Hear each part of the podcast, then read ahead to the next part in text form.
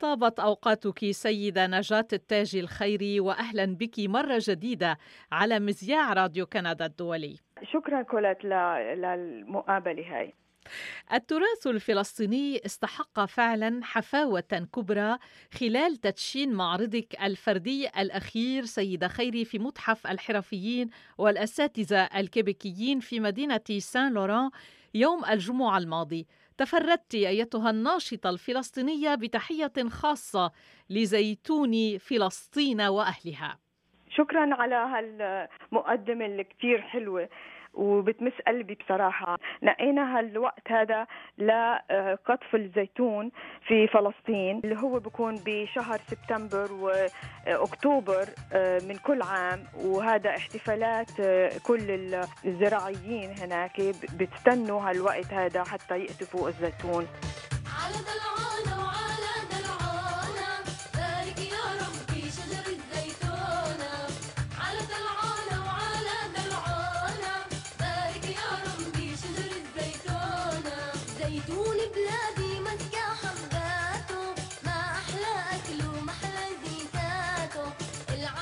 موسم الزيتون نفسه آه، هو الحياة الفلسطينية. الناس اللي في القرى الفلسطينية بيزرعوا الزيتون وبيعيشوا من هذا الزراعة. هاي مهمة كتير إلهم. طبعا بيعملوا منه الزيت بيعملوا منه الصابون بيبيعوه آه، وبعدين بيطبخوا فيه. من جميع الأشياء بيستعملوها في الزيتون. والشجر هذا طبعا عزيز على حياة الفلسطينية.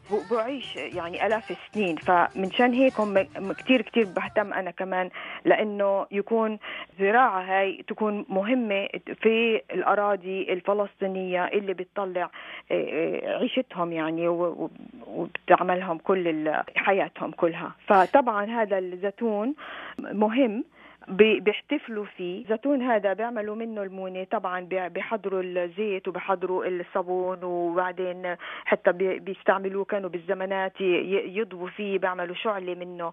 آه، الخشب طبعا بيستعملوه للحرف بيعملوه بيحفروه بيبيعوه للسياح اللي بيجوا. كتير كتير حلو الخشب تبعه قاسي. وكتير كتير يعني بيستعملوه لأشياء كتير طبعا. كمان الشجر الزيتون آه، بيكون مأوى من الشمس بنزل تحت ظل ظل آه، شيت الشجرة كمان هذا بيكون مهم للمزارع. لما يكون بده يقعد ياكل مثلا الأكل تبعه وقت الراحة. فكتير الشجر الزيتون مهم للزراعيين الفلسطينيين. طيب كيف لك نجاة التاج الخيري أن تستحضري صورة لم تسجلها الذاكرة وأقصد صورة موسم حصاد الزيتون في بلدك الأم سيما وأنك لم تعيشيها بل سمعت وقرأت عنها لأنك ولدت ونشأت وترعرعت في القاهرة في مصر. مزبوط آه، كتير إحنا صور اللي بنشوفها لبلادنا. طبعا بتأثر فينا كتير كتير وطبعا بنشوف حقول الزيتون كلياتها قدامنا.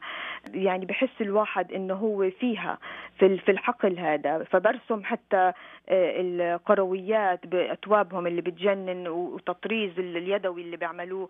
فبرسمه كله. بتخيل المزارعين والمزارعات كلياتهم بهذا اليوم الحصاد اللي هم بيحتفلوا فيه وبيلبسوا أحلى زي لهم آه، عشان آه، يحتفلوا بالنتيجة اللي طالما انتظروها كل سنة. على أساس زراعة الزيتون هذا. هل يحز في قلبك في كل مرة يقولون لك فيها بأن عمرك من عمر النكبة؟ إذا أيوة. أنت مولودة في العام 48 نجاة التاج خيري. يعني عادة نستذكر خيرا في ذكرى ميلادنا ولكن معك أنت الاستذكار ينغص عليك الحياة. مزبوط مزبوط سنة ال 48 كتير كتير بتأثر علي خصوصا إنه آه، مولودي أنا بهذا بهذه السنة وكيف بلادي راحت من بهذه السنة. فهذا كمان أثر كتير علي إني شدني أكثر إني أعرف عنها وأصير بدي أوري إنه يعني أفرجي العالم إنه فلسطين موجودة شايفة؟ ففلسطين موجودة بتراثها. بحضارتها بتاريخها بفنها و, و... يعني التراث تبعها. جميل بشكل اللي ما بيقدر الواحد ما يفرجيه لكل العالم. هو التطريز طبعا هو أكثر شيء الملابس اللي بيلبسوها يعني فلسطين عايشة بتراثها عايشة بقصصها بشعرائها بكتابها بالحرفيين بالزراعيين كل هدول طبعا بده الواحد يسلط الضوء عليهم على أساس إنه هاي بلد حي موجود بالمنطقة اللي هي فيها في فلسطين في الشرق الأوسط وبذات الوقت موجودة كان اسمها فلسطين وتم اسمها فلسطين. سيدة فلسطين سيدة الغرزة أي التطريز الفلاحي الفلسطيني سيدة النضال باللون والإبداع الفني ألقاب كتبت في وصفك سيدة نجاة التاج الخيري. ما سر استمرار هذه الشعلة المتقدة في قلبك لبلدك الأم فلسطين؟ طبعا أنا بحب أنه زي ما تراثنا صار من جيل لجيل. إني أكمل هذا التراث يروح لأولادي وأولاد أولادي. زي ما الغرزة الفلسطينية تعلمتها البنت من أمها ومن جدتها أنا كمان بعلمها لبنتي وبنت بنتي. على أساس يتم الاستمرارية وما يموت التراث تبعنا. فهذا الإشي اللي بخليني أنا بعطي الشعلة من جدودي لأحفادي. عندما تمسك نجاة خير الريشة فإن فلسطين هي التي تكون حاضرة في ذهنك. ومنذ عرفتك في المعارض التي شاركت فيها في مونريال ظل الخط ذاته والزيح ذاته الذي مشيت عليه وأنت طفلة بين سنابل الذهب وأغصان الزيتون وأهداب العباءات المطرزة بحرفية عالية.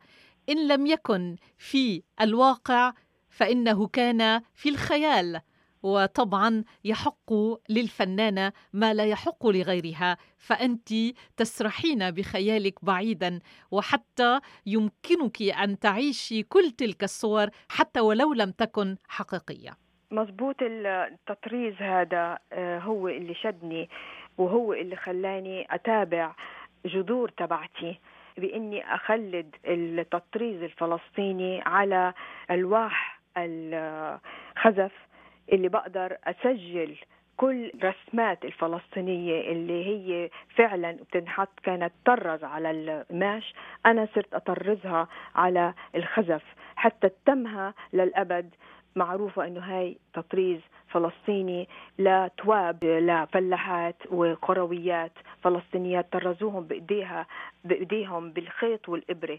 أنا بطرز بالريشة الناعمة نفس الطريقة اللي واحدة واحدة القطبة الصليب اللي هي بتكون أكثر شيء بيستعملوها الفلسطينية في التطريز عشان القماش بهتري.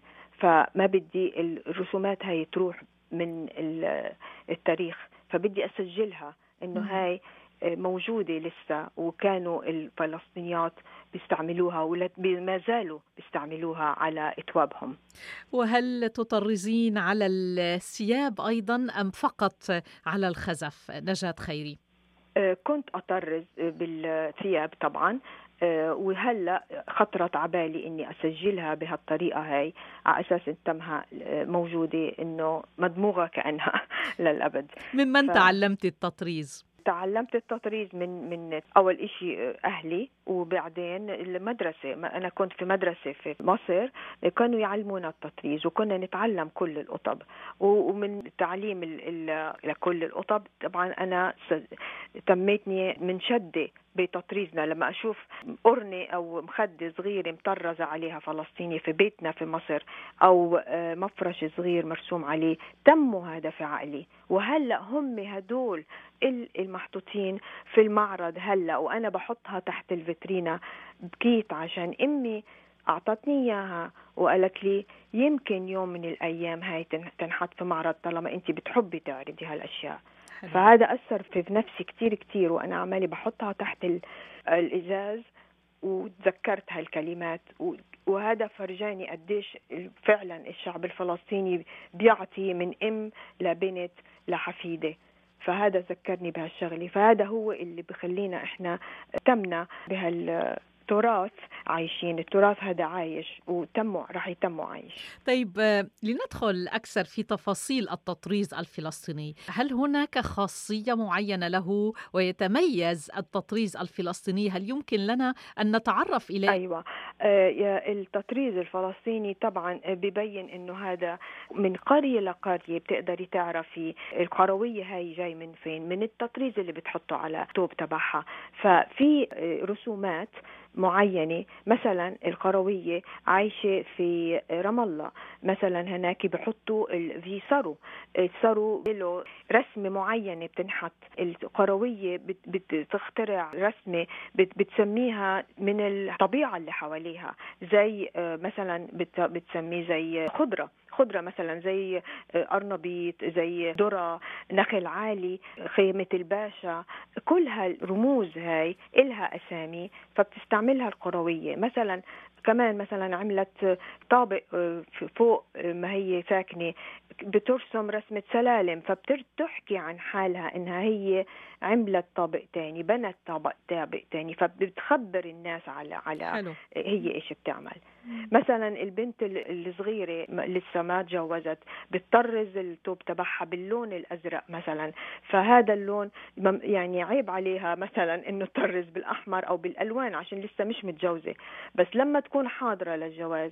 بتحط رمز صغير على توبها بالألوان إنها حاضرة إنها تتجوز إنه ممكن حدا يجي يطلبها.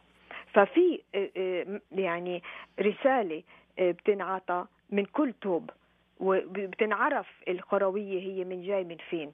زي بيت جالا بيت دجن رام الله بيت جبرين الخليل كل هدول كل بتلاقيهم كل توابهم مطرزة بطريقة روعة وبحطوا كل هالتطريز الفلسطيني على توابهم وبيطرزوه بطريقة كتير كتير حلوة. غير عن طبعا بيت لحم بيت لحم كتير كانت مهمة للتطريز عشان عندها قطبة خاصة غير عن قطبة الصليب اللي هي التلحمي بقولوا لها. فبتكون هذه كلها بخيوط قصب عملوها في في بيت لحم وكل كروية بتصير بدها لا الجهاز تبعها يكون تقني توب من بيت لحم. فكل واحد كل محل كل قرى عندها إشي مميز وكل قروية كانت تاخذ تطريز مثلا يعجبها قطبة يعجبها رسمة تقدر تحطها على توبها. فببين إنها راحت اتنقلت من قرى لقرى. فهذه كلها بتكون رسالة بيعتز القروية بإنها عملت هيك التواب. جميل جميل جدا كل هذه المعلومات عن الغرزة الفلسطينية السيدة نجاة التاجي. مزيدا من التألق وتخليد التراث الفلسطيني في كل نبض فني نتمناه لك سيدة نجاة التاجي الخيري. وشكرا لك على هذا الحديث وعلى كل هذه المعلومات الشيقة. شكرا لك كولت شكرا كثير على هالمقابلة هاي وأنا ممنونة